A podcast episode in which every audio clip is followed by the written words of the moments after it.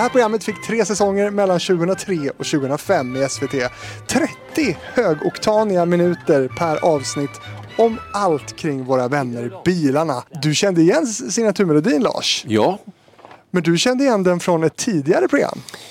jag är så gammal så att jag eh, associerar det här med ett radioprogram och inte ett tv-program. Som hette, jag tror att det hette Bilradion eller något liknande. Och på 00-talet då så, så använde de då förmodligen samma signatur till det här Mm. tv-programmet som hette Bosse Bildoktorn. Ah, var det det? Kommer du Okej. ihåg det? Ja, jajamän. Han blev en stor profil Bosse. Han var eh, alltid underhållande och, och eh, se och lyssna till. Eh, gjorde det där väldigt bra tycker jag. Och på tal om radion så kom väl han, jag tror att de hade gjort det här programmet med honom på Sveriges Radio först och så gjorde man tv på det liksom. Så var det nog. Det är många som har gått den vägen.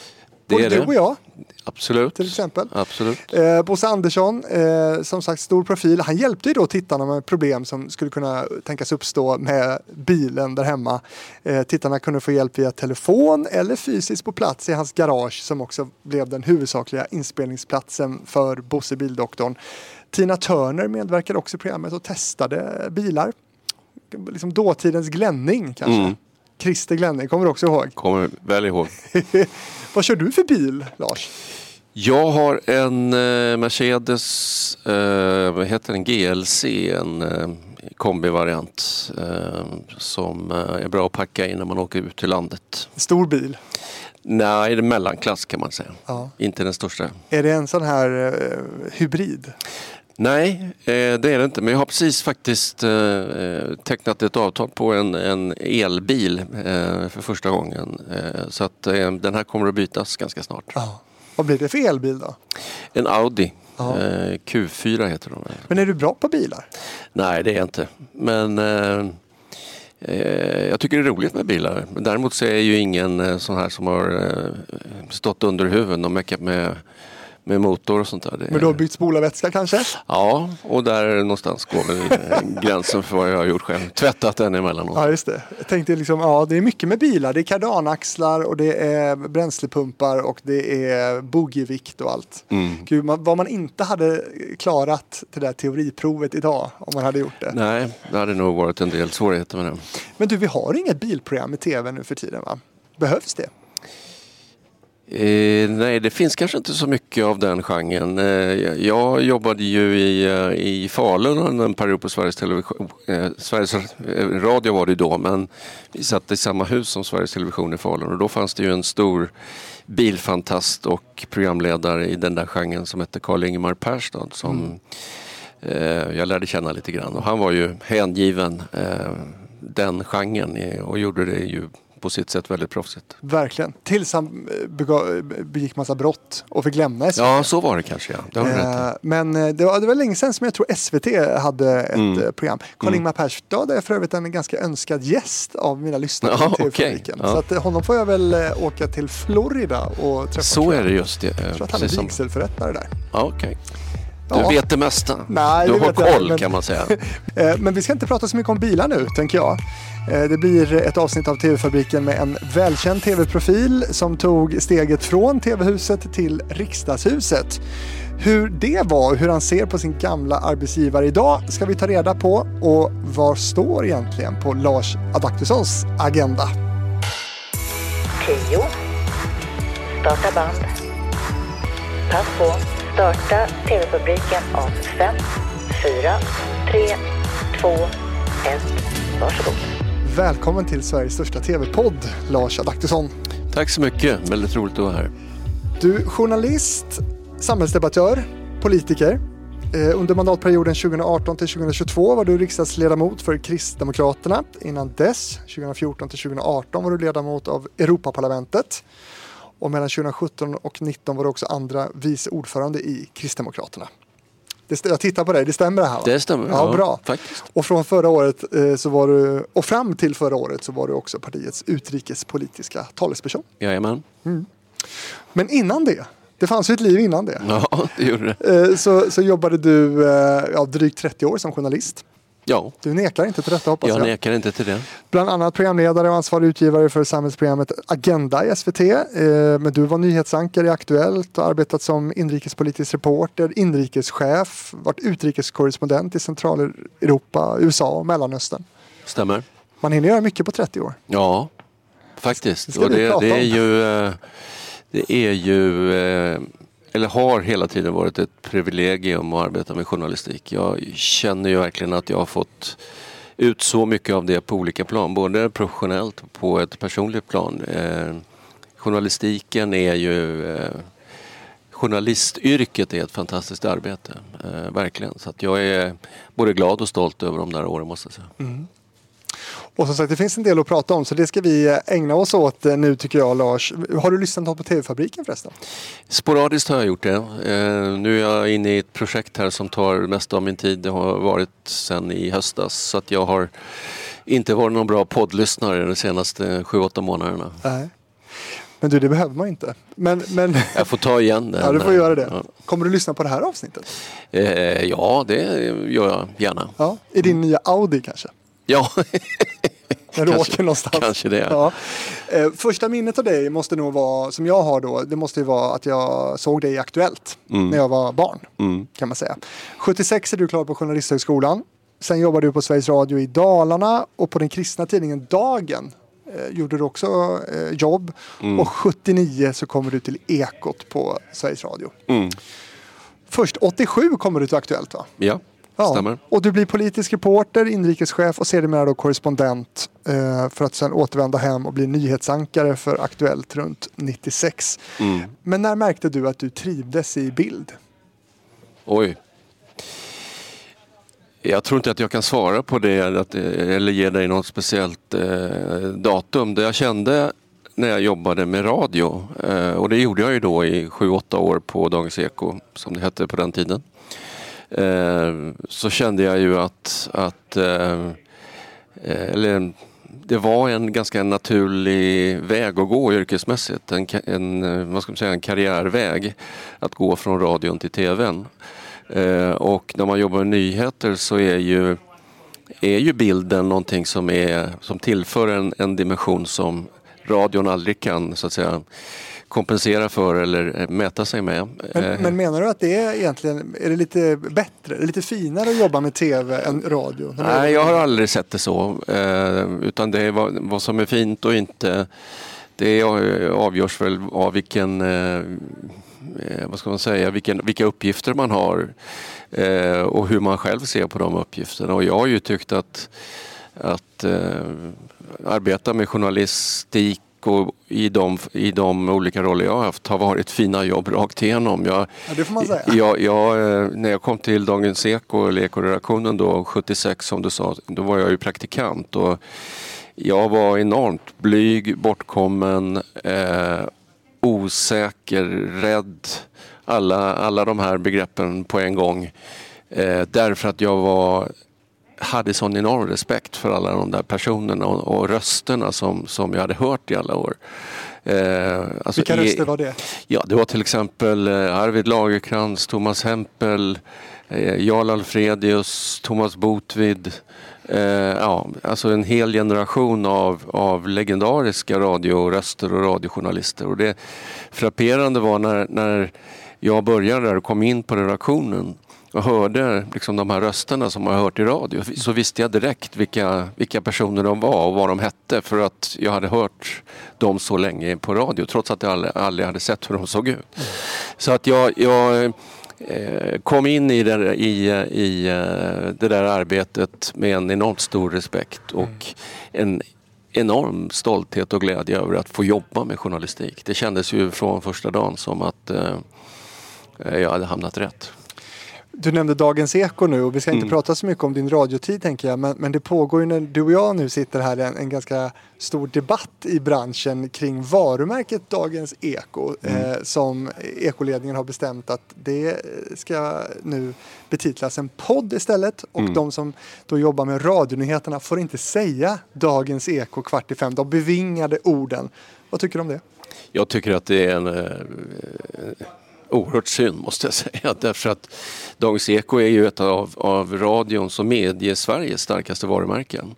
Eh, och eh, har ju verkligen levt upp till eh, både kvalitetsmässigt en, en hög nivå och också eh, tycker jag liksom eh, har hållit en, en, eh, en distans till den mer eh, säga, ytliga typen av nyhetsvärdering som finns i många andra sammanhang. Så att, att vattna ur det eller ge bort det varumärket till, till eh, någon podd eller vad det nu är.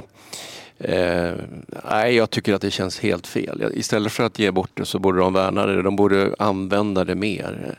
Alltså idag är det ju oftast eh, ekot som är liksom begreppet. Men eh, för mig är Dagens Eko någonting. Men gör det någonting då om man säger här är ekot kvart i fem eller om man säger här är dagens eko kvart i fem. Spelar det någon roll? Alltså om man värnar varumärken, om man värnar anseende och det som har byggts upp genom åren så har det en betydelse. Och jag tror inte att Svenska Dagbladet eller Dagens Nyheter plötsligt skulle göra sig av med, med sina inkörda varumärken eh, och börja eh, liksom eh, kompromissa med hur, hur de ser ut och hur de, hur de eh, ser eller hur, hur de är utformade. Mm. så att eh, nej, jag tycker att det där är, är väldigt synd måste jag säga. Ett prestigeuppdrag som du har haft som är ju ett prestigeuppdrag för att det är, ja, jag vet inte varför egentligen, men det är väldigt inflytelserikt och, och, och någonting som, som många journalister eh, nog skulle kunna tänka sig att jobba med. Det är att vara korrespondent mm. i USA. Och det var du... Mellan... Många känner sig kallade. Ja, mellan 1998 och 2001. Mm. Eh, och det är många som har haft det där, kända personer som har haft det där jobbet eh, efter dig. Allt från Karina Bergfeldt och Stefan Åsberg till Fouad Yousefi nu. Mm. Eh, vad är mest intressant med, med just det yrket skulle du säga? Eller den positionen? Jag tror att, att eh, eh, jag var ju där då i sekelskiftet, eh, början på 2000-talet, slutet på 99. Eh, och jag tror ju, så var det då, att, att det var eh, världspolitikens centrum. Washington är en, en eh, samling av eh, beslutsfattare, politiker, diplomater från hela världen. Det är liksom en, en miljö som man som journalist eh, väldigt lätt blir fascinerad av.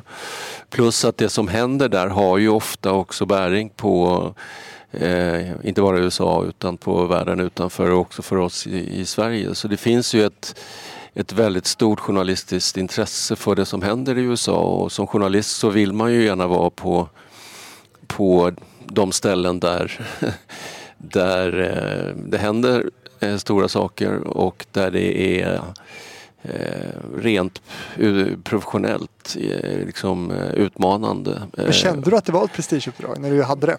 Ja, delvis kände jag nog det därför att om inte annat så, förstod jag, så förstår man ju det när man, man hamnar i en sån ansökningsprocess när man ser hur många det är som söker och, och hur många det är som vill ha det där jobbet. Så det är klart att, att om inte förr så insåg jag ju då att, att Eh, det var ett, ett prestigejobb. Vilka andra tycker du har gjort det jobbet på ett bra sätt? Jag tycker vi har haft väldigt, eller ett antal väldigt bra korrespondenter i USA, eller vi, Sveriges Television eh, och även radion ska jag säga. Eh, men före mig så fanns ju till exempel Folke Rydén som ju gjorde ett fantastiskt arbete på det sättet att han Eh, Eh, han har ju en, eller hade en unik eh, förmåga, eller unik bildbehandling och kunde göra alltså den här typen av mer rutinmässiga inslag på ett mer fullödigt sätt bildmässigt. Och där tror jag han har varit förebild för, för eller blev förebild för, för väldigt många. Så Folke var ju en sån som, som jag tycker fungerade väldigt väl. Sen hade vi ju korrespondenter, om vi går tillbaka längre i tiden, som Ove Johansson och och ehm, eh, Stig Fredriksson var USA-korrespondent och, och, så vidare. Så man kan ju egentligen eh, välja och vraka där av, av framträdande eh, journalistiska profiler som, som har haft det där uppdraget. Ove Johanssons fru hade jag i journalistik. Ja. Till exempel. Kristina mm. Johansson mm. från Expressen. Just det. Känner du henne? Nej. Nej. Rivig. Ja. Härlig kvinna. Eh, Efter tiden som USA-korrespondent så fick du i uppdrag att starta, utforma och ansvara för ett nytt samhällsmagasin på SVT. 2001 så startade då Agenda med dig som programledare och ansvarig utgivare. Det här gör du till 2005. I fyra år då. För mig som tittare så, så blev du otroligt synonym med det här programmet. Som att du hade gjort det i 25 år. Men det var bara fyra. Ja, och fem blev det Ja, väl. fem kanske. Mm. Ja. Och sen jag arbetade ju med programmet, om inte ett år så i alla fall drygt ett halvår liksom, i förber- förberedelsearbetet där också. Så det blev lite längre tid. Jag jo- jobbade parallellt då med, med att starta Agenda och eh, medan jag var kvar i Washington. För du fick uppdraget att starta det här programmet. Ja, det var så här om jag ska berätta Ja. hela, hela bakgrunden. Jag kan göra det kort. Eh, Gärna. I samband med eh, att jag eh, var inne på mitt sista år i USA så eh, sjösattes en ny organisation, en nyhetsorganisation i Stockholm på SVT. Eh, man slog ihop Rapporter och Aktuellt mer eller mindre och eh, man bildade den här poolen av reportrar och så SVT Nyheter som det, som det heter då. Och, jag blev uppmanad att söka det där jobbet och det gjorde jag som chef då för den där avdelningen. Eh, och eh, sökte gjorde också Janne Axelsson som då fick jobbet. Eh, och vi var bara två, två sökande. Ja, och, och det var inget Janne- poppis jobb. Vad sa du? Det var inget populärt. Nej, det var ju, jag tror att det var sådär lite grann att, att det var väldigt mycket som var osäkert självklart, i, som det brukar vara i, i samband med, med nya organisationer. Och sen var det nog många som kände att, att eh, man kanske ville avvakta lite. Och det var ett väldigt stort jobb också eh, att ta på sig naturligtvis, att leda en sån stor organisation. Ehm, men jag sökte det. Eh, Jag var liksom intresserad av att, att vara med och eh, utforma detta nya och kände att jag, när jag kom hem så ville jag gärna ha någonting att bita i och något roligt jobb. Inte bara komma hem och klippa palinare. Nej, precis. Eh, Så, att, eh, och det, så det blev, när jag inte fick det jobbet så, så blev jag kontaktad av, jag hade kontakt också med Ingvar Bengtsson som var, som var nyhetschef då på SVT och eh, när han meddelade mig då att Janne skulle ha jobbet, vilket var helt rätt val med tanke på den erfarenhet han hade som inte jag hade, så sa han till mig att vi ska starta ett nytt samhällsmagasin och jag vill att du eh, tar hand om det, betrakta det här som att du får ett vitt papper och eh, kom med förslag på hur det här kan, kan göras. Så att eh, det var lite, ett litet tröstpris kan man väl säga. Men vilket uppdrag! ja, vilket uppdrag. Och, och då tillsätter du dig själv som programledare eller? Ja, det var, ingick i, i dealen att jag skulle vara programledare. Eh, Men det fanns ju två program som var väldigt populära. Det ena var Åtta dagar med Erik Anér som skicklig programledare, Utrikesmagasin. utrikesmagasin. Och det andra var Speciellt tror jag det hette som eh, Karin Andersson och Pia Brandelius ledde som var ett debattprogram med inrikespolitisk inriktning. Underbar signatur med den här röda, Röda nageln ja, som exakt, bara ja. skar i bild. Ja, exakt. Nej, mycket bra. Så att tanken var då att slå ihop de två programmen under en hatt. Eller föra in dem under en hatt. Och eh, Eh, jag skulle vara programledare och ehm, eh, ja, sen fick jag då eh, eh, skriva någon synopsis på hur jag eh, tyckte att det här skulle se ut och eh, det ledde i sin tur, det ena ledde till det andra med bemanning och sånt där. Så att, eh, det var ju en helt ny resa för mig men det var otroligt roligt och jag var ganska inspirerad av amerikansk tv eftersom jag hade bott i USA. Och, alltså det här, de här söndagmorgnarna i amerikansk tv är ju en fest för alla som är politiskt intresserade med Face the Nation och, och Meet the Press och, och eh, alltså alla de här politiska magasinen som finns. Varje kanal har ju egentligen ett, ett eh, och det som, det som slog mig då när jag bodde i USA och tittade på de här programmen eh, varje vecka, det var ju att eh, det alltid var huvudpersonerna som fanns med i, i de här programmen. Alltså hade det varit en vecka där utrikesministern hade varit i centrum, fått kritik eller vad som helst, så satt utrikesministern där på söndagen i, och svarade på frågor och blev utfrågad av goda utfrågare.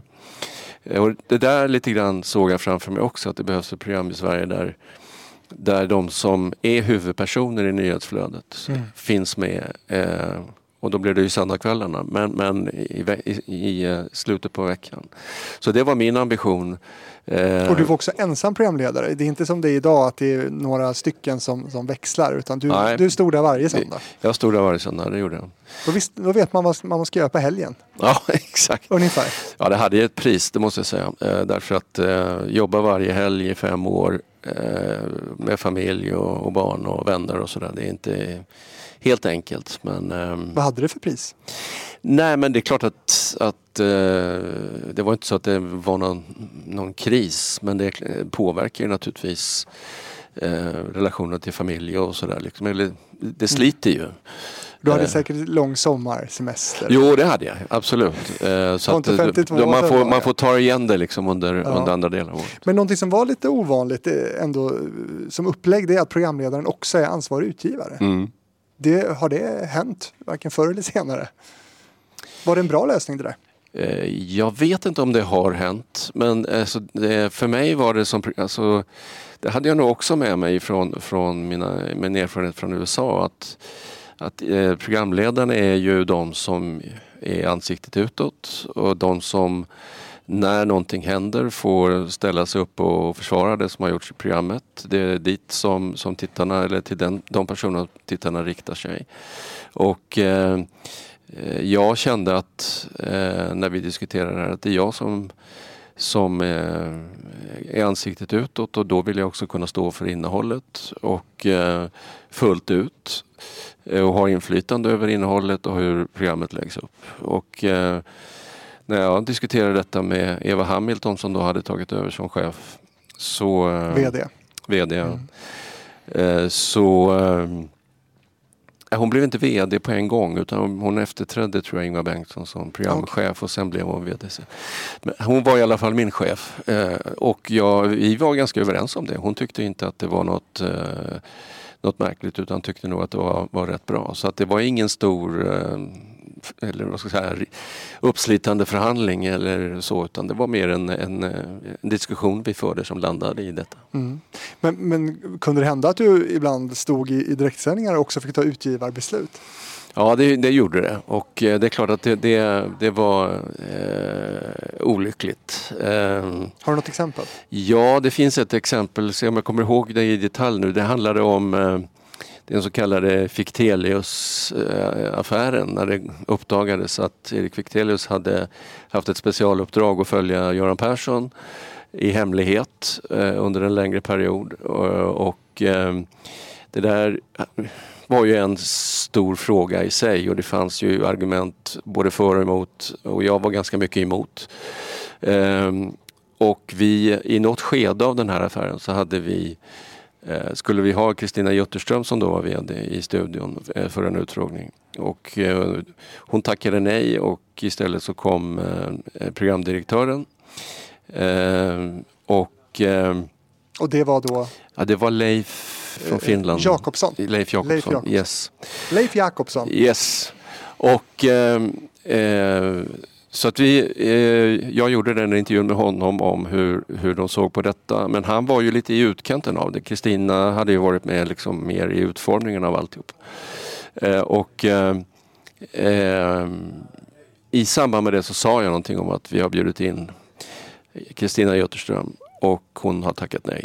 Eh, och här sitter vi då med programdirektören. Och under programmets gång så ringer Kristina till, till kontrollrummet, till redaktören som sitter i kontrollrummet och kräver en rättelse av den formulering som hon tyckte att jag hade, eller som jag hade använt som hon tyckte var fel.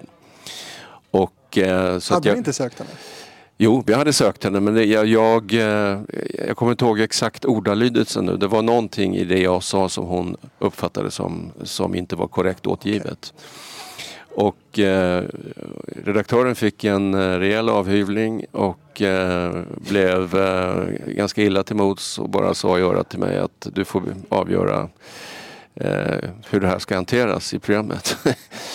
Så i i avannonseringen av programmet så, så sa jag att vi under sändningens gång har blivit uppringda av av Kristina Jutterström som vill ha det här framfört och så framförde jag det, det, hon, det hon hade ville ha sagt. Vilket ledde till ett ramaskri därför att eh, normalt sett så ringer ju inte en VD till kontrollrummet eh, under pågående sändning och kräver att få ut ett budskap eller få ut information som, som gäller henne själv. Eh, så att... Eh, ja, vad tyckte du om det?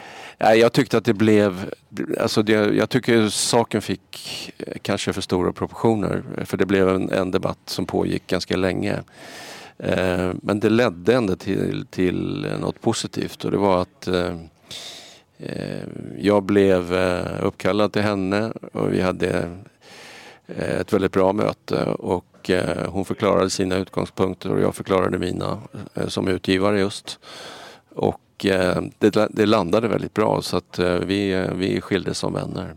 Och det tycker jag var, det var eh, stort av henne eh, också att eh, att se efteråt att hon kanske inte borde ha gjort så här. Eh, hon ångrade sig?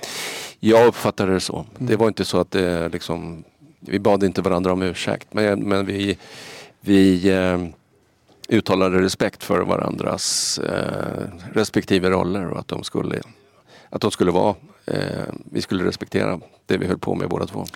Men inte nog då med att hon ringer till pågående direktsändning till kontrollrummet för att få en rättelse. Du blir också uppkallad då på något slags facksamtal. Mm, mm. Så var det. Och det var väl eh, inte så märkligt kanske tycker jag. Eh, därför att eh, jag var anställd på Sveriges Television och hon var företagets chef och ansvarig. Och att, ja men högsta VD Ja, men att en, att en VD pratar med, med en ansvarig utgivare och programledare för ett program. Det, det såg inte jag som någon större dramatik. Tillhör nog inte vanligheterna heller. Nej, det kanske kan inte är. Men du, var, du blev ju liksom Mr Agenda kan man säga på den här tiden. Tittar du på Agenda idag? Alltid. Mm.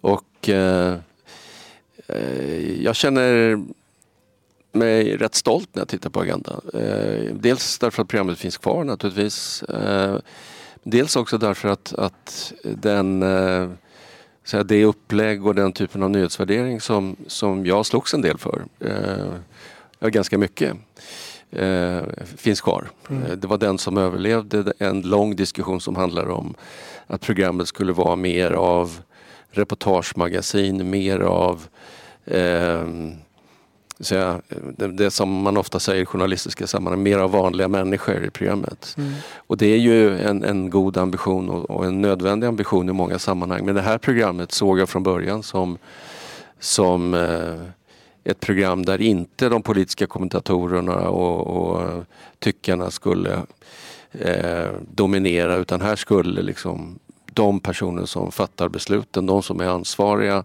De med makten? De med makten eh, finnas och ställas till svars. Sådana som du har blivit?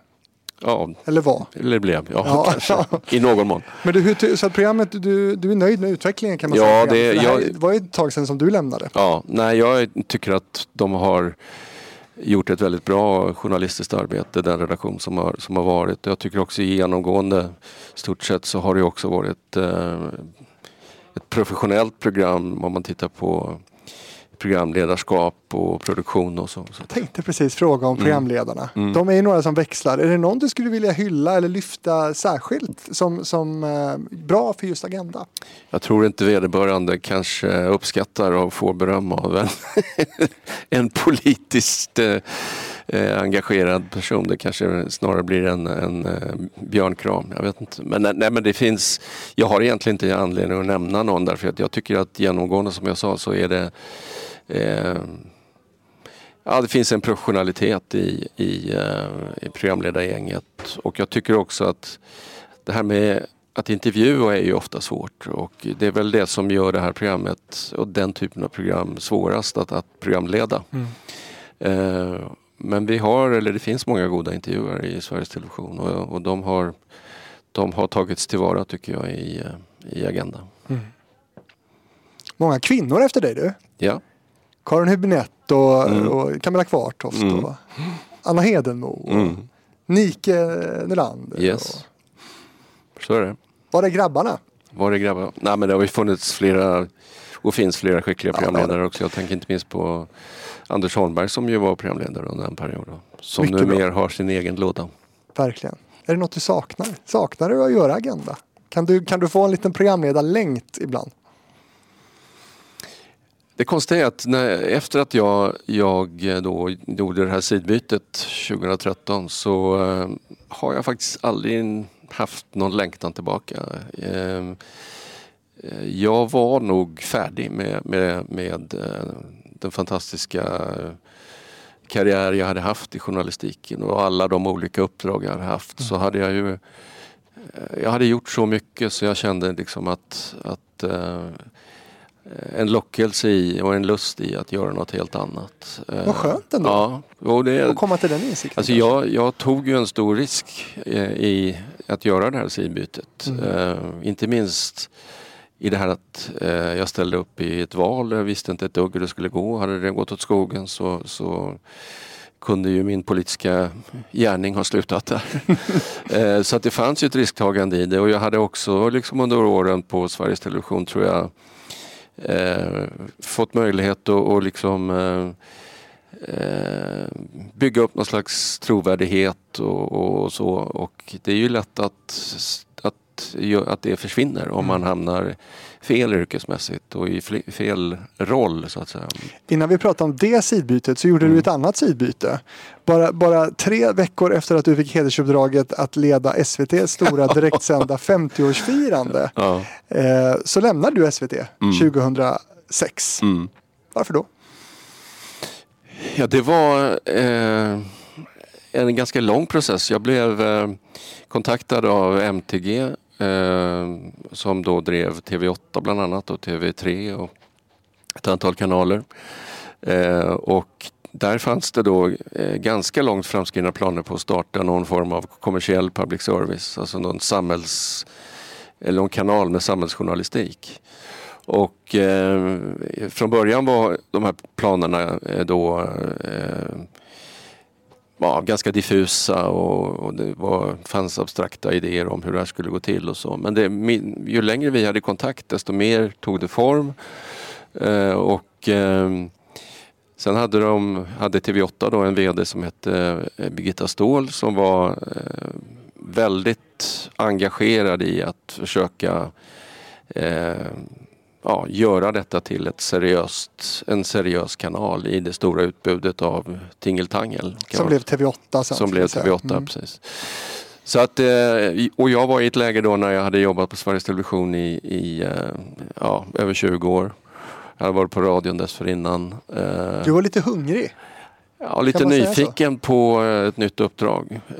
Och nyfiken också på den kommersiella tv-världen faktiskt. Uh -huh. Jag hade, hade bara varit innan public service. Och, Hur var det att lämna in sin avskedsansökan? Odramatiskt. Jag, det var ett kort telefonsamtal till, till Eva Hamilton. Och, och ehm, eh, jag berättade om det här och hon, hon eh, sa att hon förstod hur jag tänkte och så vidare. Så det var Eh, ingen dramatik överhuvudtaget. Hon, hon försökte inte övertala dig att stanna? Inte vad jag kommer ihåg. Eh, samtidigt så känner hon, vi Ouch. kände varandra så väl. Liksom. Ja, men jag hade inte heller väntat det.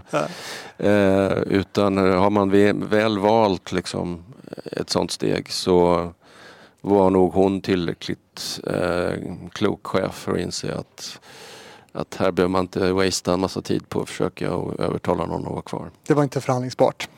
Nej, jag var väldigt inställd på det då och det, mm. var, det var flera skäl till det. Men, men eh, eh, samtidigt klart att det, det var ju heller inte något givet eller enkelt beslut utan har man kommit in i, i eh, public service-bolagen så är det ju inte helt enkelt att ta sig därifrån. Nej. Eller komma sa, tillbaka. Nej, det går ju inte heller.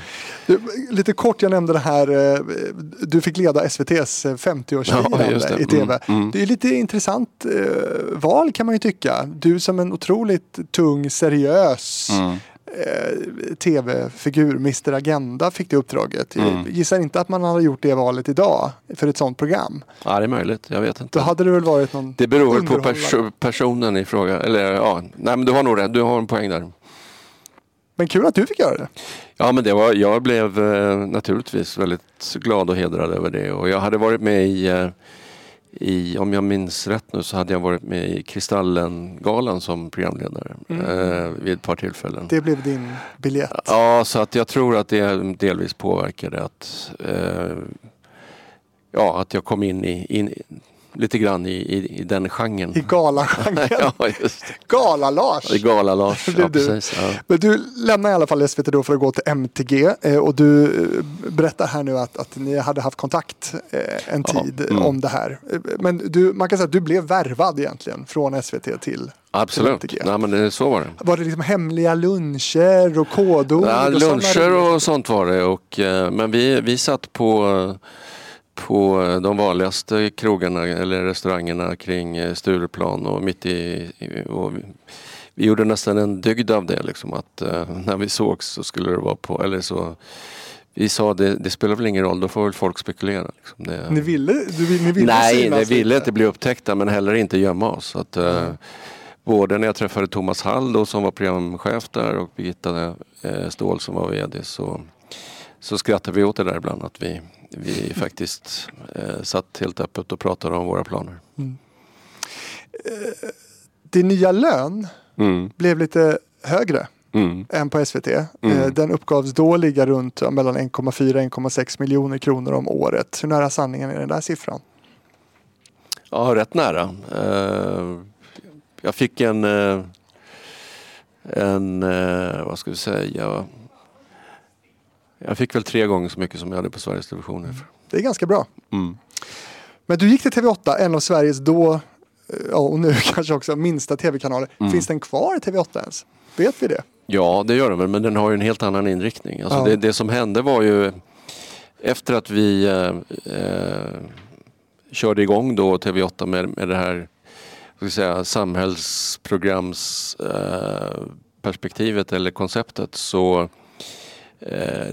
det är klart det kostade ganska mycket pengar eh, och det fanns en uthållighet men den uthålligheten var ju, var ju inte hur lång som helst eh, från ägarens sida. Det gällde ju att leverera eh, tittarsiffror.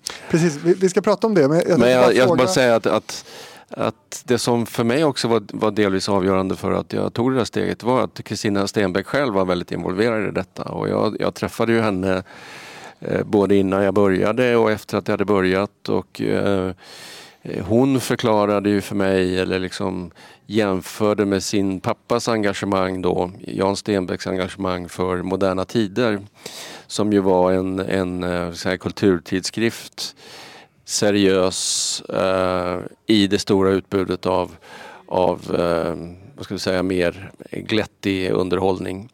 Eh, hon såg, liksom, förklarade för mig att hon, hon ville ha en kanal som Eh, hade ett seriöst innehåll och som avvek från de andra kanalerna. Och hon hade liksom en, ett jätteintressant resonemang kring detta, varför det var viktigt och, och så. Och att eh, även om tittarsiffrorna aldrig skulle kunna jämföra sig med, med SVT och, och, och TV4 och sådär så hade det ändå ett värde att den här kanalen fanns i den totala så här, uppsättningen av tv-kanaler inom, inom bolaget. Så att de diskussionerna var, var för min del, eh, jag ska inte säga att det var avgörande, men de var väldigt viktiga.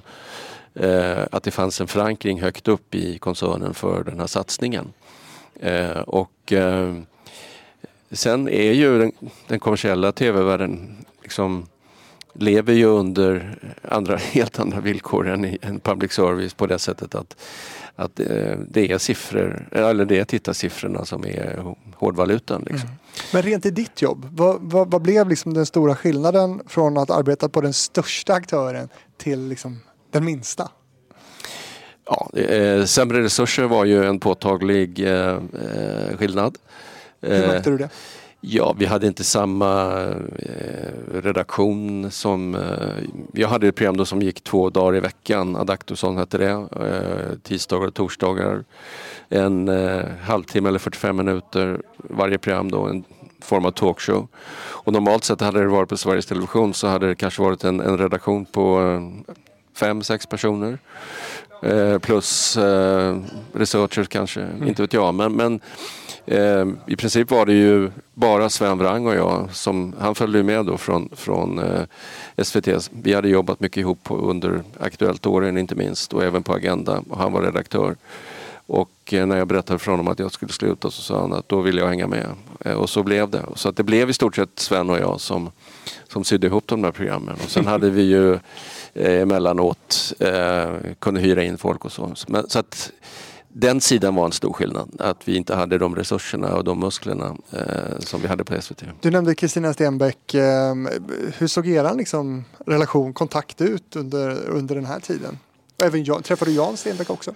Nej, jag har aldrig träffat honom. Eh, men däremot så fick jag ju en väldigt bra kontakt med Kristina och, och eh, en personlig kontakt. Och, eh, inte så att vi umgicks privat men vi hade Eh, ganska ofta så skickade hon ett sms och hade sett programmet och eh, eh, var glad för några siffror eller ville uppmuntra på något sätt. Och, och så att, eh, hon... Inte som Jutterström? Nej, nej, men hon var, åtminstone i början av projektet var hon väldigt eh, närvarande och i, eh, i vad som hände och hade koll på och sen som sagt så träffades vi. Jag var ju uppe på Skeppsbron vid några tillfällen där. Och, och då gav hon sig tid så vi satt och snackade eh, om journalistik och vad vi kunde göra i kanalen och sådär. Så att eh, eh det, var en, det var en kontakt som jag verkligen uppskattade. Mm.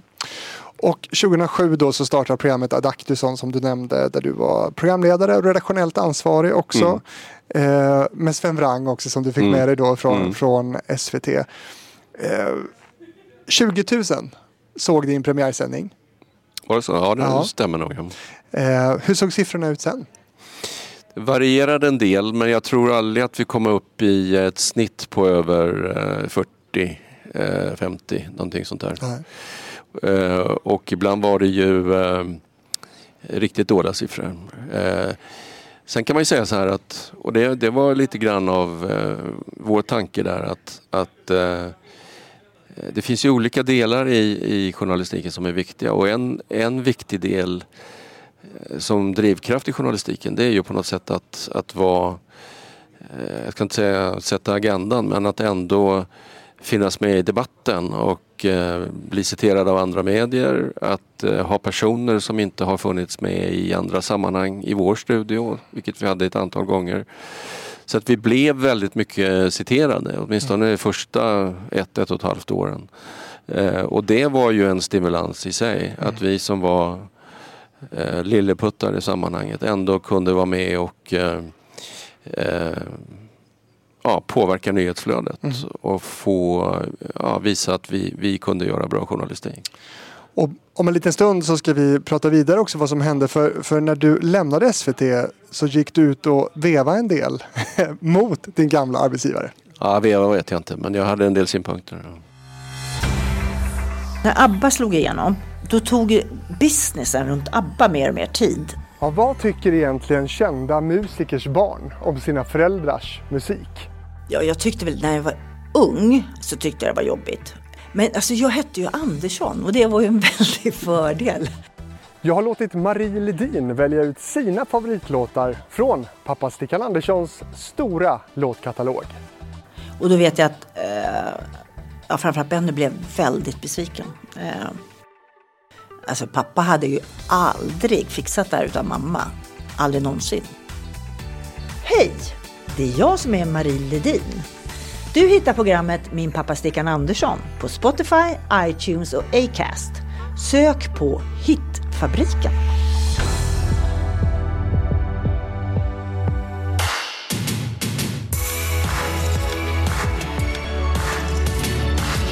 Men det här är TV-fabriken den här veckan med Lars Adaktusson, Mr Agenda. Får man väl ändå säga. Tack för det. Du, eh, I samband med att du lämnade SVT då så skrev du en debattartikel om att du tycker att SVT hade trovärdighetsproblem. Tycker du det nu också? Jag kommer inte ihåg exakt eh, ordalydelsen i, i, eh, i den där artikeln men eh, eh, om jag kommer ihåg rätt så var det i kölvatten av den här Fichtelius-historien eh, som jag tycker skadade trovärdigheten för, för public service i stort. Men gjorde den det på, alltså reellt? Jo, men om, om en av de ledande politiska reportrarna i en nyhetsorganisation eller på en redaktion har ett hemligt avtal med landets statsminister Eh, och det sen kommer fram att den här reportern har låtit bli att publicera relevanta nyheter under en period när det han visste eller det han, det han fick fram i de här intervjuerna hade kunnat förändra eh, den politiska verkligheten i, i någon riktning. Eh, men då har valt att inte publicera detta så det är klart att det påverkar tilltron till, inte bara till, till den reporten själv utan också till den organisation han företräder. Det kan man ju absolut tycka. Men förändrar det trovärdigheten för SVT? Ja, det är omöjligt att mäta. Ja, det görs ju varje år. Jo, men eh, ja, du menar de här förtroendeundersökningarna? Ja. ja. Jo, det vet jag inte om det, om det slog igenom där. Men, jag tror men, inte det. Nej, men jag tror ju ändå, eh, om man talar med folk i allmänhet om det som hände då så, så, och den uppmärksamhet det fick så, så eh, Eh, hade det en betydelse. Det är möjligt att den inte var mätbar. I eh, SOM-institutets mätningar är det väl som, som eh, eh graderar trovärdighetssiffrorna. Eh, men eh, som journalistisk metod och som eh, säga, eh, grepp eller medel för att, att granska makten så tycker jag att det här var fel. Du tyckte också att andra medieaktörer skulle få medel för att göra public service-program. Alltså mm. få pengar från de pengar man betalar in för public service. Mm. Eh, är det en åsikt du fortfarande har?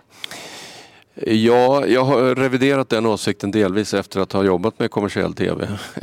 Varför då? Eh, jo, därför att jag tycker inte att kommersiell tv i Sverige, inte ens eh, TV4 som med alla sina resurser tar det ansvar som de borde göra för att sända kvalitativ samhällsjournalistik och nyheter. Eh, den erfarenheten jag har av andra länder så, så gör även kommersiell tv eh, journalistiskt kvalitativ journalistik eller program. Eh, jag tycker inte att vi ser det. Vi ser det ibland i Sverige och hos TV4 då. Men det är allt för sällan tycker jag. Och när jag skrev det här så, så var min tanke att, eller jag trodde att, att det i kommersiell TV fanns utrymme för eller intresse av att också producera annat än, än eh, tingeltangel.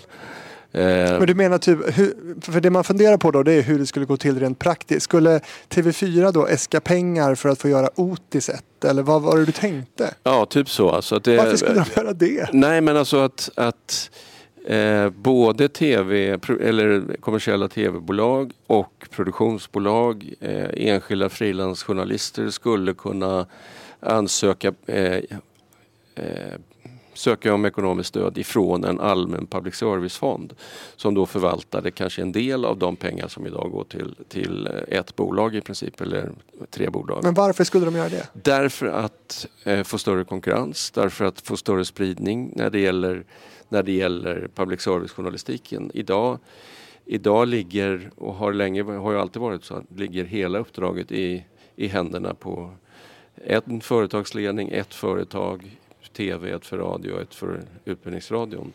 Man kan ställa, man kan, motfrågan kan vara varför ska alla skattepengar som, som vi betalar till public service-journalistik gå till ett enda bolag? Är det sunt? Varför finns det inte fler public service-bolag som kan konkurrera med varandra? Mm. och som får del av det statliga stödet. Finns det något sådant exempel från något annat land i, i världen? Ja, det fanns public service-fonder i något annat land. Det var, alltså jag tror att vi hämtade, eller hämtade, vi var, vi var ju ett antal som, som diskuterade detta eh, under den här tiden när jag skrev om det.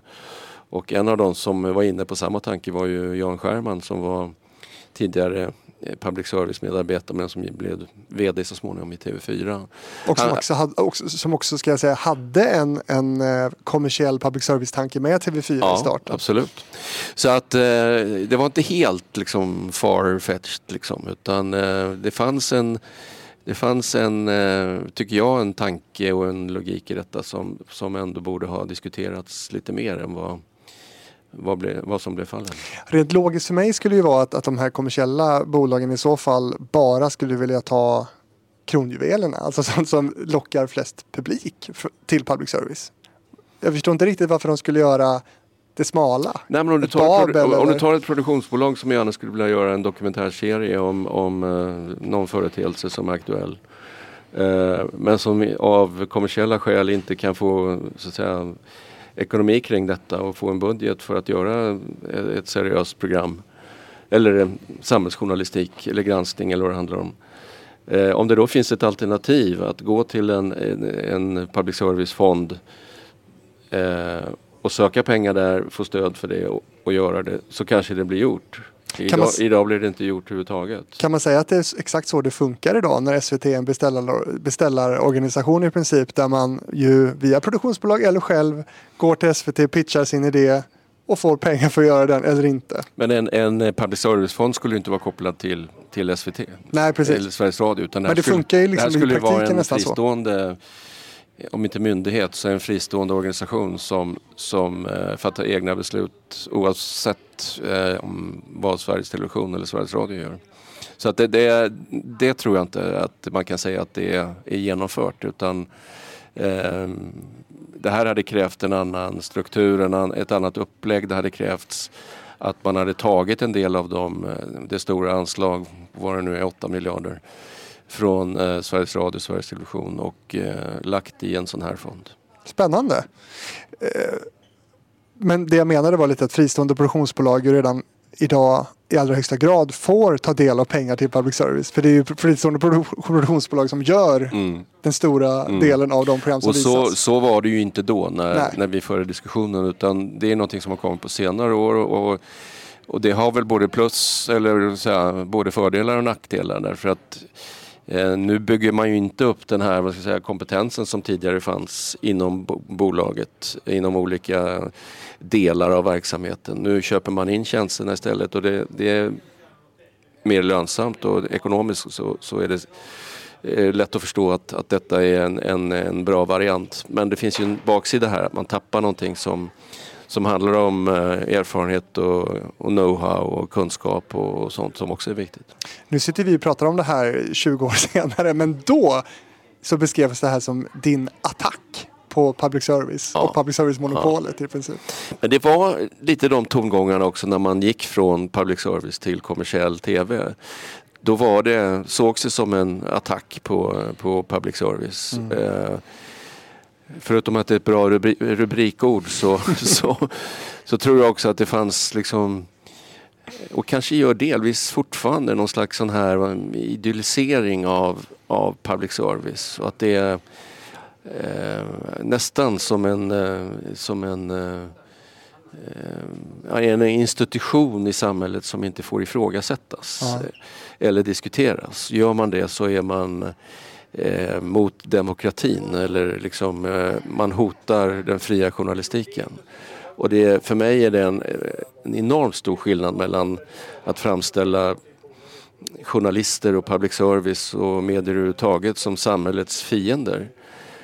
Eh, och att diskutera och kritisera medierna för, eh, i olika sammanhang där det, där det verkligen är, behövs. Alltså mediekritik i sig är ju lika viktig som mediefrihet. Tappar man, tappar man mediekritiken så får vi ju medier som, som eh, i ännu lägre utsträckning än idag är beredda att ta ansvar för det de gör. Du har jobbat som borgerlig politiker i Kristdemokraterna. Mm. Eh, var du kristdemokrat även när du jobbade på SVT?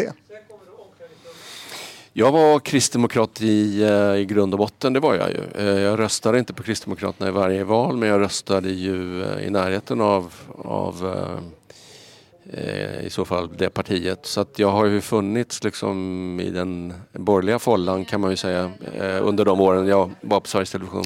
Märktes det tror du? Eller blev du också anklagad för att vara röd och vänster som alla journalister på, eller ja i stort men även på public service blir? Ja, det blev jag vid ett antal tillfällen. Eh, och det berodde ju på, på ämnets karaktär och egna preferenser. Så, det går ju aldrig att undvika egentligen att, att eh, någon ser en eh, journalist eller en reporter som vänster och någon annan ser en journalist eller reporter som, som höger. Så att eh, jag fick nog slängar och sleven från, från båda sidor. Ja men precis. Men det, det, det där är något som förföljer många journalister ju, att, att, att man blir eh, liksom nästan beskylld slash anklagad för att vara just Mm. röd Mm. eller vänster. Mm. Men det var ju inte du. Nej, samtidigt kan man säga att jag, jag såg ju delar av det här som har kallats ibland för eh, vänsterinflytande i public service. Eller, inte så att någon var liksom ombud för ett politiskt intresse. Så funkar det ju inte att, att reportrar går in och försöker vara företräda eh, vänstern eller Socialdemokraterna. Eh, det såg åtminstone inte jag. Men däremot i sättet att, att beskriva verkligheten, i sättet att se på till exempel företagande, se på eh, alltså stora samhällsfrågor utifrån ett visst perspektiv. Det tycker jag att jag såg eh, relativt ofta. Eh, Men påverkar det innehållet i programmen då också tycker du? Ja, jag tycker till exempel att eh, jag, i och med att jag var korrespondent i Mellanöstern under en period där på slutet innan jag slutade så såg jag ju också hur, hur svårt det var att försöka räcka fram mikrofonen till båda sidor i den där israelisk-palestinska konflikten. För så fort jag var i Jerusalem eller Tel Aviv och gjorde, gjorde reportage om, om israeliska sidan så fick jag ett starkt motstånd på hemmaplan. Därför att det stämde inte överens med bilden av den gängse bilden av, av eh, vem som är skyldig och, i, eh, och vem som är offer i den här konflikten. Hur bemötte du det då? Eh, genom att eh, hävda min uppfattning och stå på mig. Och det var en del faktiskt rätt rejäla eh, eh, vad ska jag säga, uppgörelser i, i samband med det. Bland annat så var jag i, i Libanon 2006 under, under kriget där och eh, det var ju mellan Hizbollah och Israel och eh, där var det ju uppenbart att det var Hizbollah som hade startat det här genom att man tillfångatog ett antal israeliska soldater och eh, också eh, attackerade och dödade soldater och Israel svarade då med en, en eh, bombning av, av de södra delarna av Beirut. Och eh, i något inslag, eller några inslag, så sa jag att, jag hänvisade till att det var Hizbollah som hade startat det. Och blev då uppringd av utrikeschefen hemma som, som sa att du måste sluta och säga att det är Hizbollah som har startat det här. Eh, och då, när jag framhärdade och sa det, och sa det som alla andra sa också, att det, det finns, det här är fakta. Eh, så fick jag svaret att eh, omfattningen av Israels svar på dödandet av de här israeliska soldaterna var så omfattande så det tydde på att Israel ändå hade gått till attack. Så du fick inte säga det? Nej. Eh, Du blev censurerad? Nej, alltså jag, för att kunna vara kvar och överhuvudtaget eh, jobba vidare så löste jag väl på det sättet att jag inte, jag undvek att ta upp det. Mm.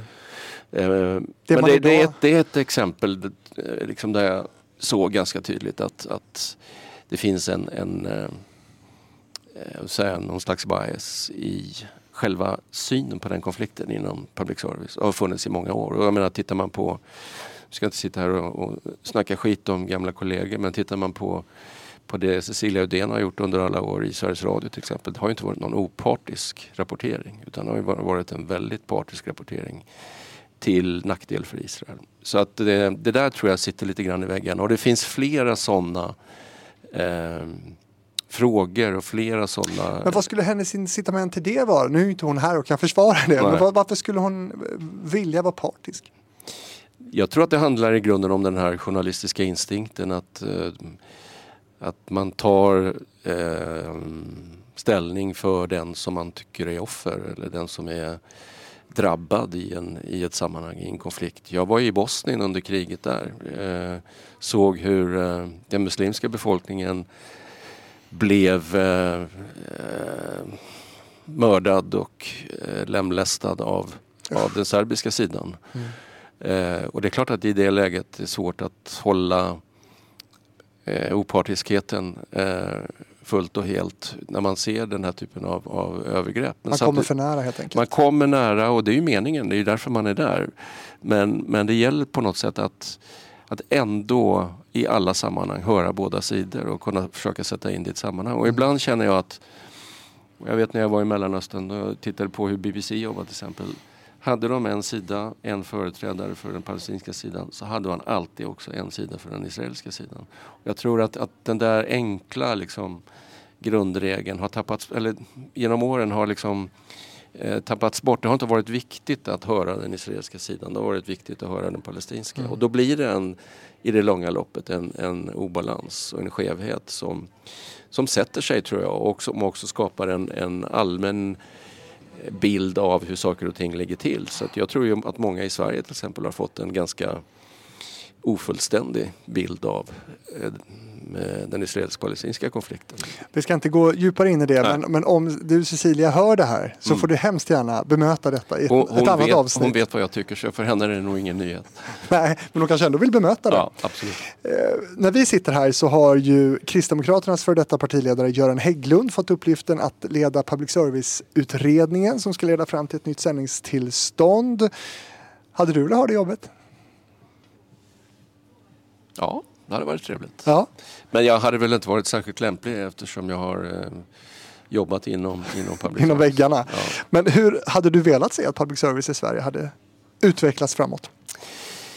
Ja, men jag, jag är ju och har blivit eh, med åren eh, mer och mer övertygad om att, att public service fyller en oerhört viktig funktion i, i, eh, i eh, det svenska samhället. Så både som, som folkbildare och som, som eh, nyhetsrapportör eh, rapportör och skildrare av samtiden. Och så så att jag, i grunden så har jag ju en, en väldigt eh, positiv syn på, på public service. Sen när det är Det sagt. kommer ett men här. Ja. när det är sagt så, så tycker jag ju, jag har svårt för eh, att eh, de här dyrbara resurserna som, som företaget eh, förvaltar, att det ska gå till så mycket eh, som inte är eh, kvalificerad eh, programproduktion och kvalificerad journalistik. Jag tycker det är svårt med med vissa av underhållsprogrammen som, mycket, som lika väl kunde gå i vilken, i vilken kanal. eh. Något exempel?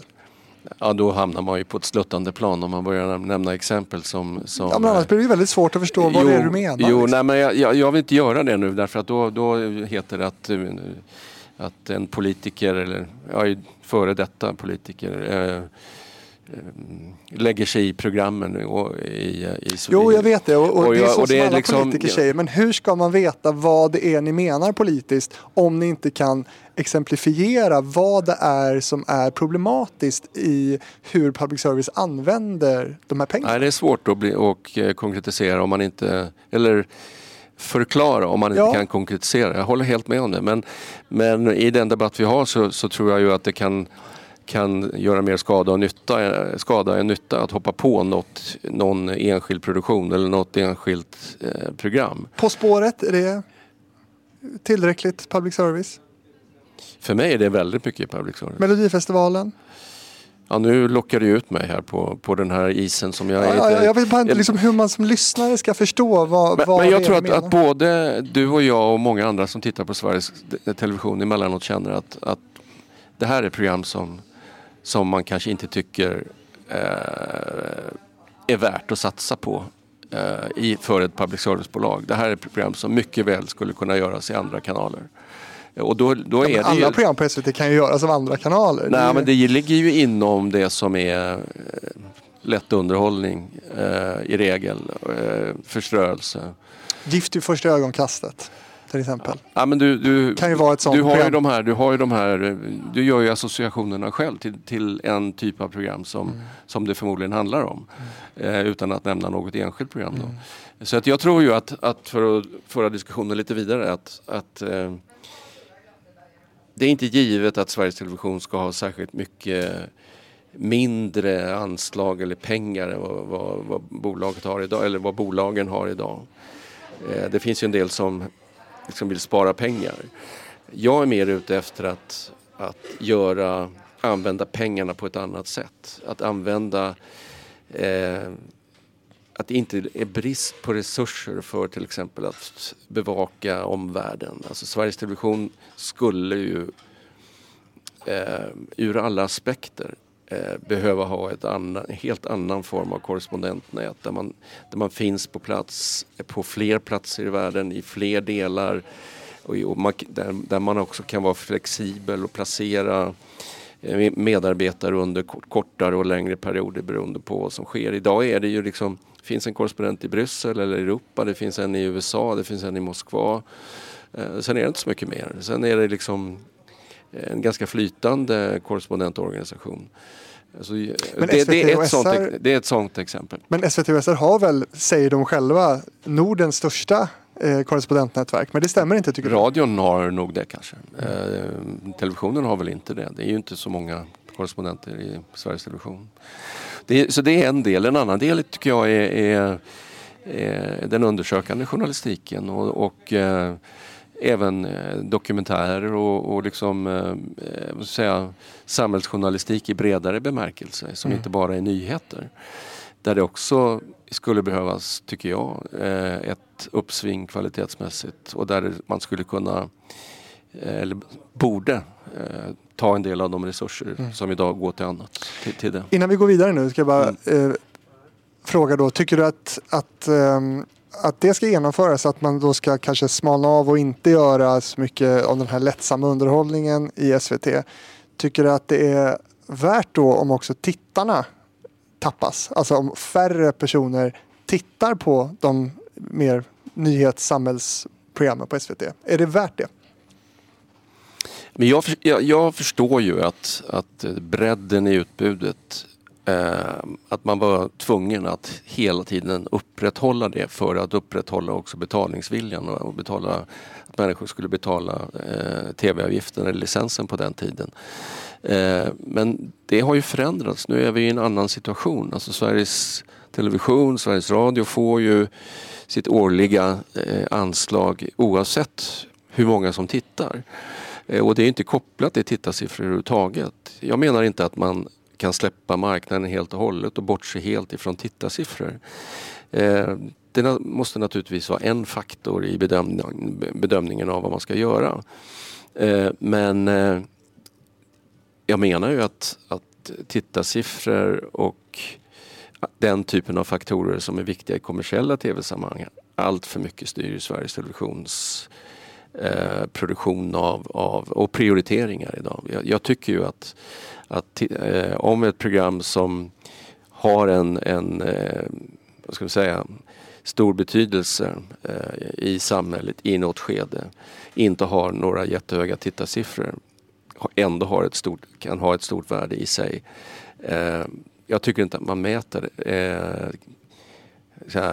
existensberättigandet eller... Man Fast är det inte viktigt att många ser nyhetsprogram, samhällsprogram? Är, är inte det liksom jätteviktigt? Jo, det är väldigt viktigt och jag tror ju... Och så är, det borde ju vara fler. Så är det ju fortfarande. Eh, att nyhetsprogrammen relativt sett, även om man har tappat jämfört med mina dagar, så, så eh, så är det ju fortfarande en stor publik mm. eh, som följer nyheterna och eh, både Aktuellt och Rapport och även TV4 Nyheterna har ju vad jag förstår en, en, eh, en stor publik fortfarande. Mm. När du har slutat på SVT då och var på TV8 så uppstår en, en viktig och, och rätt så underhållande debatt i Gomorron Sverige mellan två giganter i branschen, nämligen mellan dig och Janne Josefsson. Vi ska lyssna lite på hur det lät. Du gräver ingenting. Du är naturligtvis eh, idag... Det är jag Jag, jag, skriver, Nej, jag, skriver, jag skriver också... Lars Adaktusson, alltså, tyckte det var ett felaktigt grävande reportage Nej, som, säger, de tog fram? det jag säger i artikeln, illustrerar du nu Janne, mm. är, är det du säger. Man kan stå för undersökande journalistik, man kan stå för granskning utan att bejaka de metoder som du använder. och jag, jag står lika mycket för, för undersökande journalistik och granskning som du gör. Men jag, har jag, sett, jag tror inte jag har sett resultatet av det ännu i alla fall. Jag har inte mätt med dina mått, men, men mätt eh, med andra mått kanske. Men vad är det och, och det, jag vänder mig mot, det jag vänder mig mot, Janne, det är att du ger dig själv mm. en oförskämd auktoritet gentemot andra människor. Kolumnen. Du säger Just att du är domare och att du är åklagare. Vem ger dig rätt Nej, men Du skriver att jag säger att jag är död. Var har du hittat det någonstans? Jag har hittat det i två forskningsrapporter. Ja, det, bygger, det, det bygger på en intervju i Dagens Nyheter. Jag har aldrig sagt det. Ja. Och för det andra... Det, ja, för det första... ja, nu låter du som en politiker. Nej, men jag har aldrig sagt det. Det är direkt citat i Svenska Dagbladet, i Dagens Nyheter. Det har ju gått runt i, i svenska medier. Ja, men det visar som, väl hur den här journalistiken fungerar i Sverige. Ja, men har, du, har du dementerat uttalandet? Nej, men det är första gången jag ser det här, att du skriver det. Jag har aldrig sagt det. Jag kan sätta hur mycket som helst på det. Du har aldrig hört det. partisekreterare, Janne. Nej men snälla du. du jag har aldrig bara... sagt det. Men är men du domare, du är du domare och åklagare? Du är domare när du påstår detta som jag aldrig sagt. Du fabulerar ju. Totalt... Kom igen här nu. Vad har du fått det ifrån att det var ett minderårigt barn som förgrep sig på... Ifrån Mediemagasinets rapportering? Nej, jag har sett det i Mediemagasinet. Han var 19 år. Kom igen nu. Du, men du vet ju hur, hur Nej, du blev kritiserad. Du fabulerar ju. Du plockar ju upp saker och ting i luften. Nej, jag, har sagt till exempel så här. Du har annan... problem med trovärdigheten Janne. Och en, det är det som är ditt grundläggande problem. En annan kolumn så skriver du så här att Uppdrag granskning ibland har tittarsiffror på 1 procent. Var har du fått det ifrån? Har du sett på reprisen då? Eller vad är det frågan? Vad vi kanske ska undvika att fastna i sådana här frågor. Ja, men det är ju det jag skriver i min Hela min artikel handlar om att vi måste ha en grävare. Det är väldigt hårt men... angrepp mot just det program på Sveriges Television som står för grävare. Nej, det gör jag inte alls. Jag, jag, jag, jag, du är ju helt marginaliserad då. Du sitter ja, på en tv-station Och du använder precis samma metodik när du debatterar som du, Nej, när du går fram i, i, i, din, i dina program. Du lyssnar inte, du reflekterar inte, du går fram som en ångvält och kör bara över. Och det gör du nu också. Vad står du för när det gäller just den grävande journalistiken?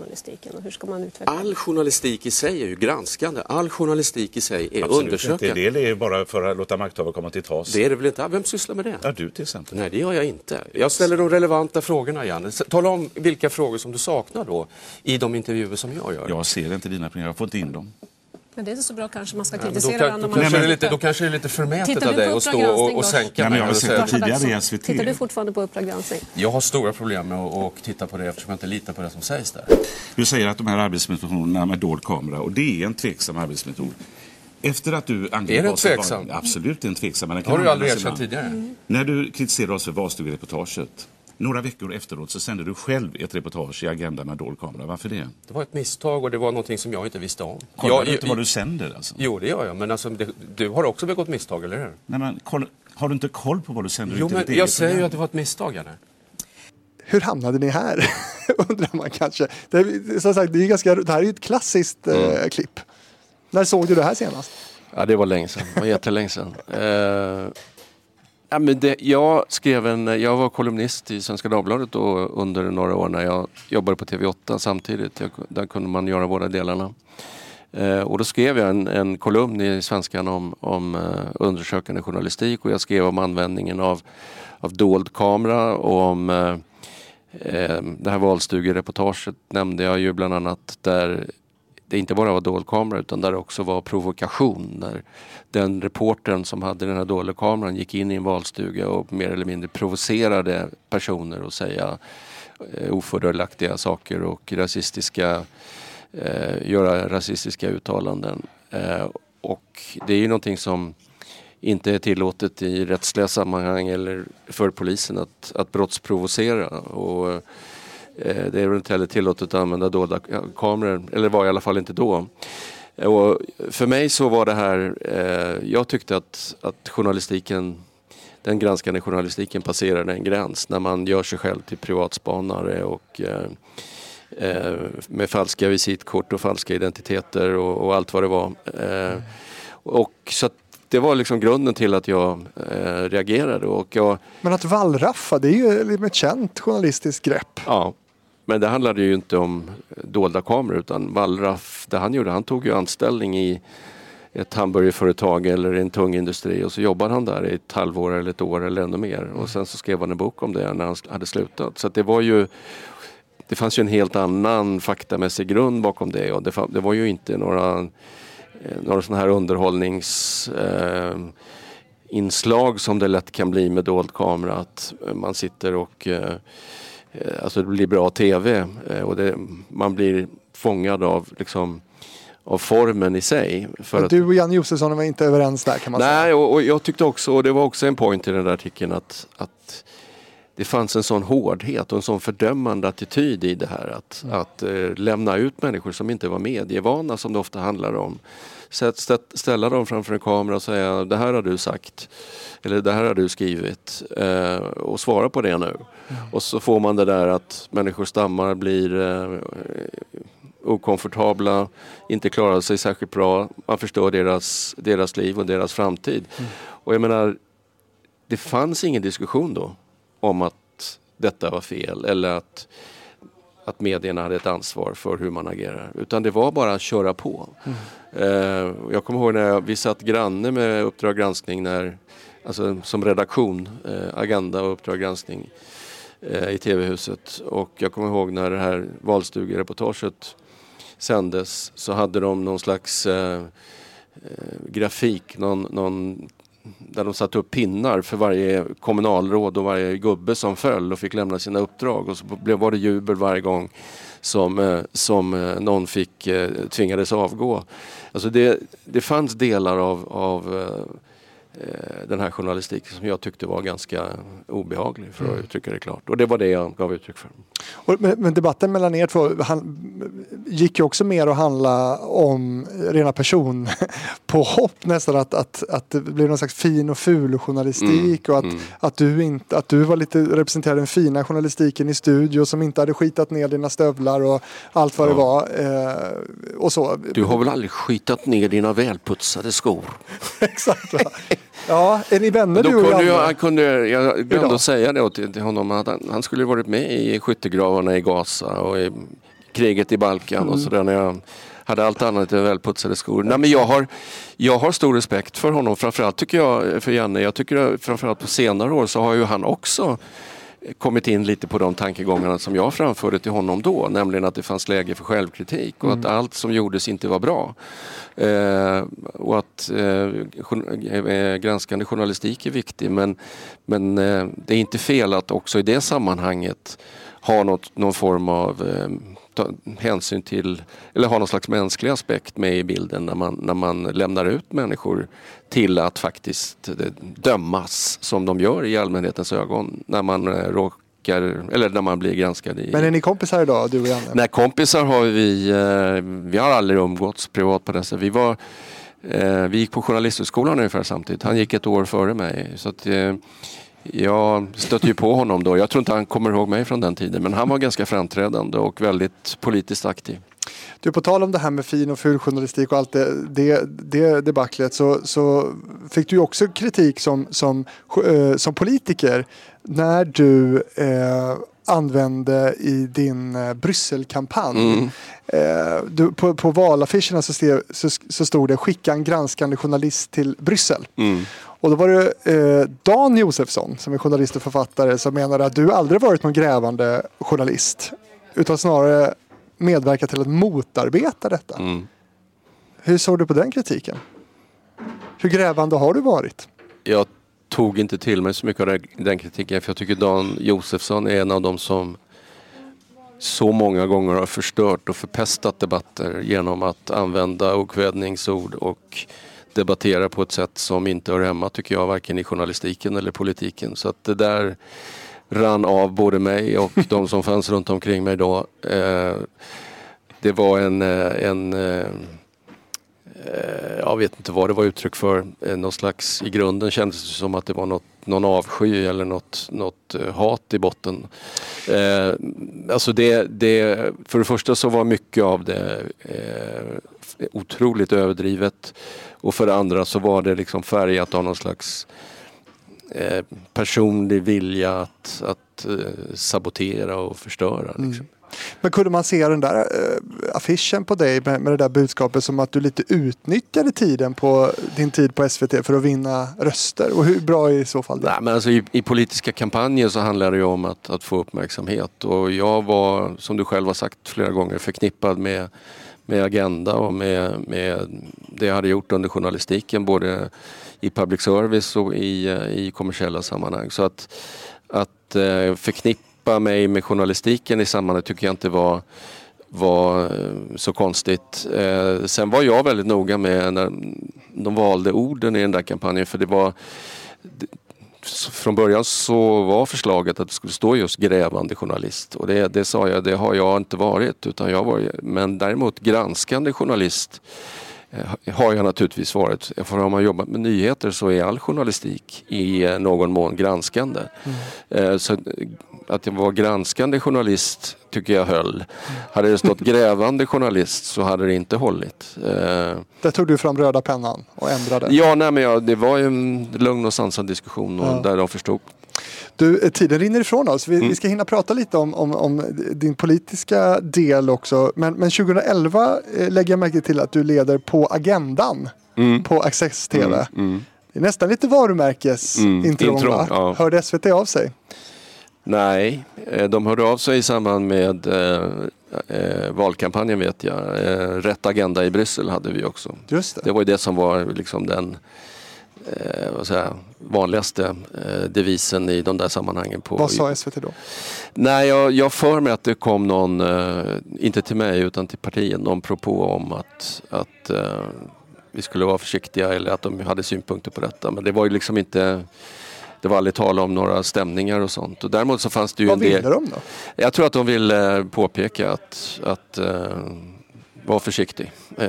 Var det Jutterström? Nej, jag, jag, kommer inte ihåg detaljerna rätt eller vem det var som hörde av sig. Men det, det fanns någon, uh, det kanske var från uh, någon juridisk avdelning. Ja.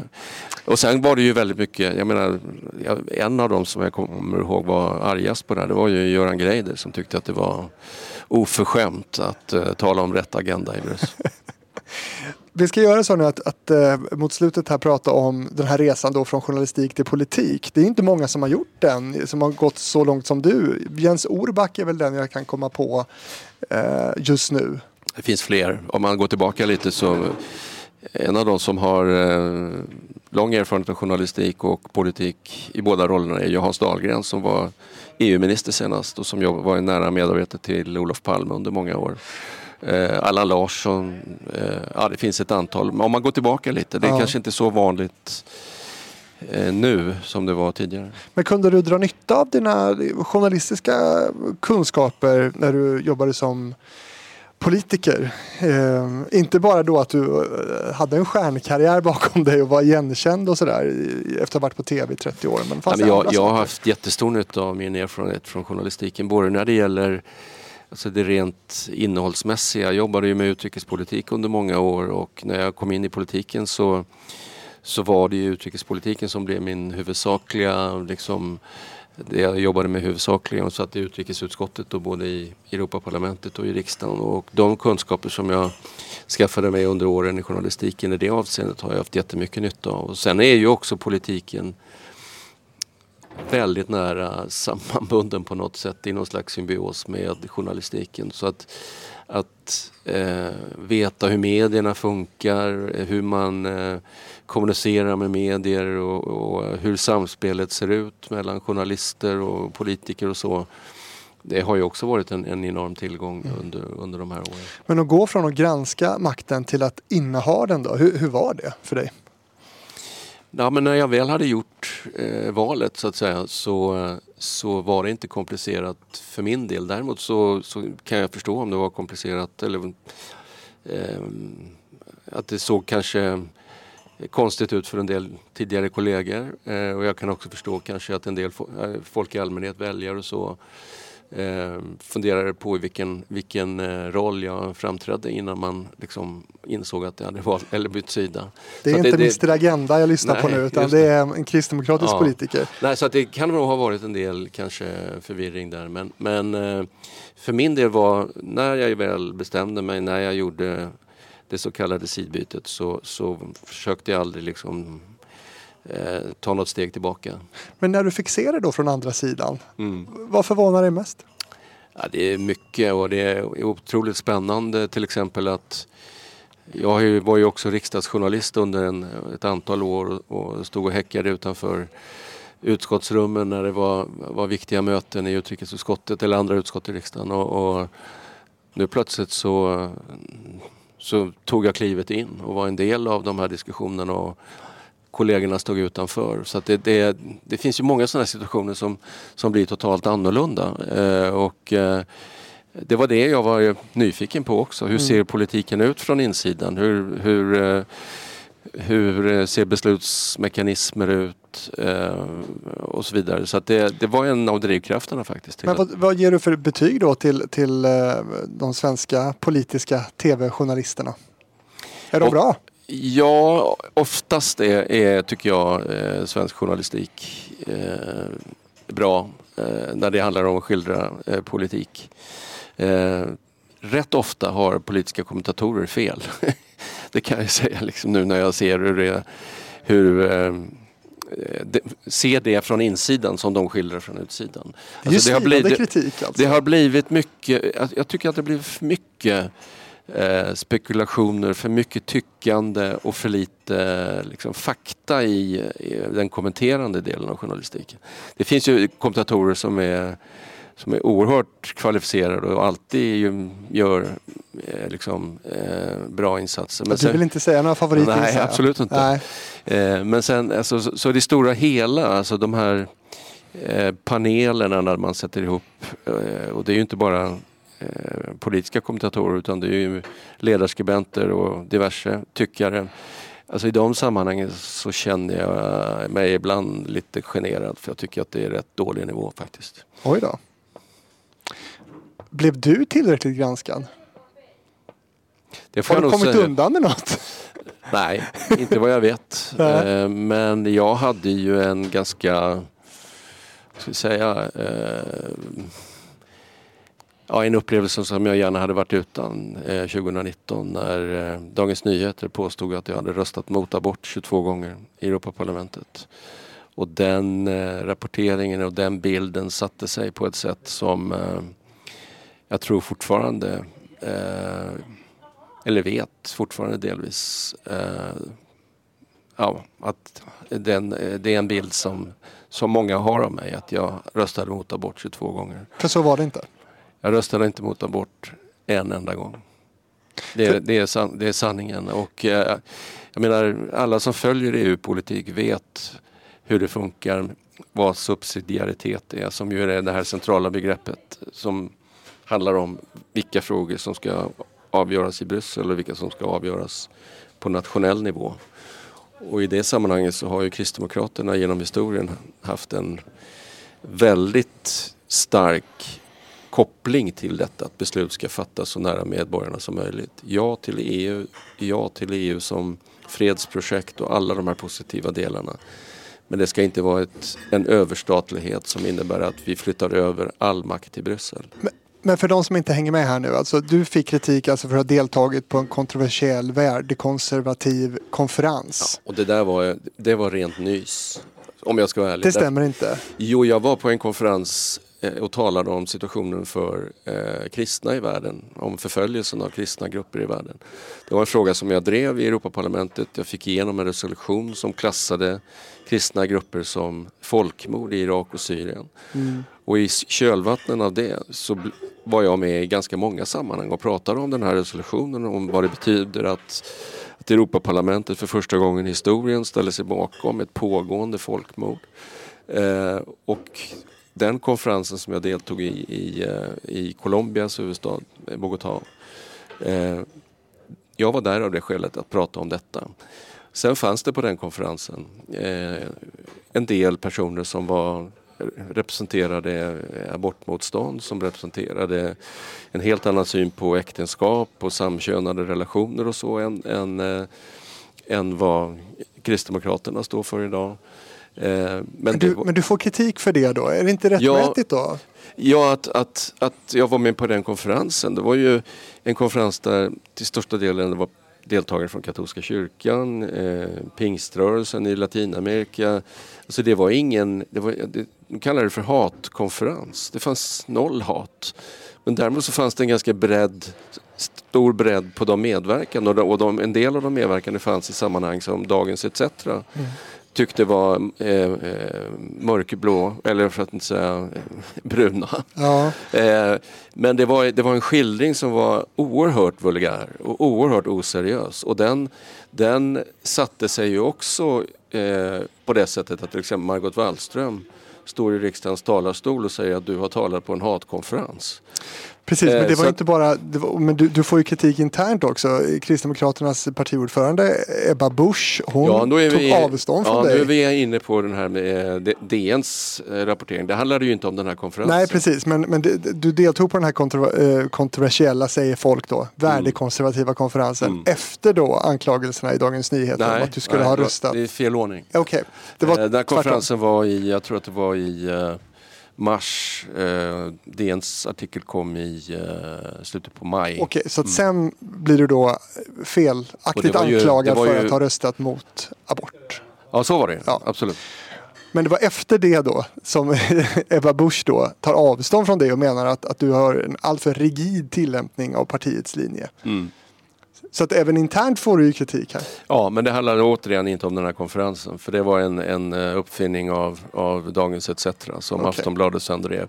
Så det fanns en väldigt stark politisk överton i, i den rapporteringen. När det gäller DNs artikel så stämmer det att, att eh, Ebba tog avstånd från mig. Och det eh, kan man väl säga sitter fortfarande rätt djupt hos mig.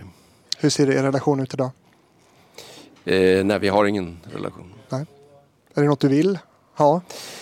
Ja, jag skulle, det, det här blev ju en, eh, vad ska jag säga, någon form av eh, arbetsplatskonflikt eh, och eh, som i förlängningen blev, ledde till, om man ska hårdra det lite, som ledde till att jag inte kandiderade då i, i valet 2018. Jag kände att det var för tungt att ta med sig den här konflikten in i en, i en ny mandatperiod. Mm. Så att eh, det var eh, väldigt beklagligt det som hände och eh, sen är det så här att i en politisk, som politisk företrädare så kan man ta mycket kritik från medierna, man kan ta mycket kritik från politiska motståndare det ingår liksom i, i, i rollen. Det kan svida och det kan vara tufft men man har en chans att, att, eh, att bemöta den här, det man blir utsatt för eller de påhopp man blir utsatt för. När det handlar om kritik inifrån och jag var ju del av partiledningen, eh, andra vice ordförande vid det här tillfället. Då är det en helt annan sak. Alltså då finns inte den möjligheten på samma sätt. Om man inte vill eh, visa upp en, en eh, stor spricka eh, i partiets ledning. Det finns inte den möjligheten att försvara sig på det sättet som det gör när man blir angripen av, av eh, politiska motståndare. Så att det här eh, är en erfarenhet som, eh, som är tung och som kom att liksom, ja, få väldigt stor betydelse för, för ja, hel, egentligen hela hela det här politiska engagemanget som, som jag hade mm. och delvis har kvar fortfarande. Men det där är inte utrett riktigt låter det som. Det, det, du, det är en tagg i dig fortfarande det där. Det håller på att utredas nu. Jag håller på och skriver en bok om mina tio år i politiken och det är också en bok där jag verkligen vill värna eh, bidra till att försöka värna den klassiska kristdemokratin som då ligger ganska långt ifrån den riktning som partiet har valt på senare år. Eh, Lars Adaktusson, vi har fått veta nu att eh, du inte saknar tv speciellt mycket. Vi vet att du ska skriva en bok om dina tio år i eh, politiken. När kommer den ut? Förhoppningsvis kanske framåt hösten. Mm. Vad har du för drömmar kvar? Till exempel tv-drömmar. Eh, finns det inget du skulle kunna tänka dig tacka ja till? Let's Dance? Ja, jag har faktiskt fått frågan och haft eh, omdöme nog att tacka nej. Varför då? Alla tycker nej, det att det är var, jättekul. Det här var ett antal år sedan och eh, jag kan säga att dansade jag dåligt då så dansar jag ännu sämre nu. Så jag tror att, att de ville ha med mig för att jag skulle bli en ny... Kommer du ihåg när Lasse Brandeby var med? Han, han, ja. eh, han eh, var ju inte så bra på att dansa men han fick, kom liksom inte ur det där programmet för han blev hela tiden framröstad till att fortsätta. Ja, folket älskade ja, honom. absolut. Eh, men jag tror inte han älskade situationen eh, till slut där när han inte kom ur det. Ja, det var sagt på skämt. Eh, jag vet inte varför de frågade mig men, men eh, jag känner att att eh, det var väldigt bra och klokt av mig att tacka nej. Och eh, det kommer jag att göra i fortsättningen också. Tydliga besked ja. från Nej, När det gäller drömmar så är det klart att, att alla människor har drömmar, det har jag också. Så att, eh, men mer sådär specifikt som jag haft tidigare genom åren har ju alltid varit så att när jag slutar med det här så skulle jag vilja bli programledare eller jag skulle bli korrespondent i USA. Eller, alltså den där typen av konkreta mål eh, har jag ju inte längre eftersom jag nu eh, är i pensionsläge. Mm. Eh, ska du gå i pension? Ja, det har jag ju eh, åtminstone delvis gjort så att, ja. redan. Så att, eh, du tar ut pension? Mm. Ja. Mm. Ja, en, ny, en ny upplevelse. Ja, det är också ett kliv va? Ja, absolut. I livet. absolut. Ja. Um, jag skulle vilja tacka dig för att jag har fått prata TV med dig eh, och mycket annat också. Det har varit jätteintressant. Det blir ett långt avsnitt men det får det bli ibland. Du har gjort otroligt mycket, varit ja. väldigt produktiv. Tack, det är jag som ska tacka. Eh, Bra och, samtal, verkligen. Och du som eh, har lyssnat på det här får gärna kontakta mig om du vill. Till exempel om du heter Cecilia Udén på fabrikspost.gmail.com och så följer du naturligtvis TV-fabriken på sociala medier, Facebook och Instagram. Det där vet ni. Lars Adaktusson, tack så mycket. Tack själv. Tack. Och vi går ner i svart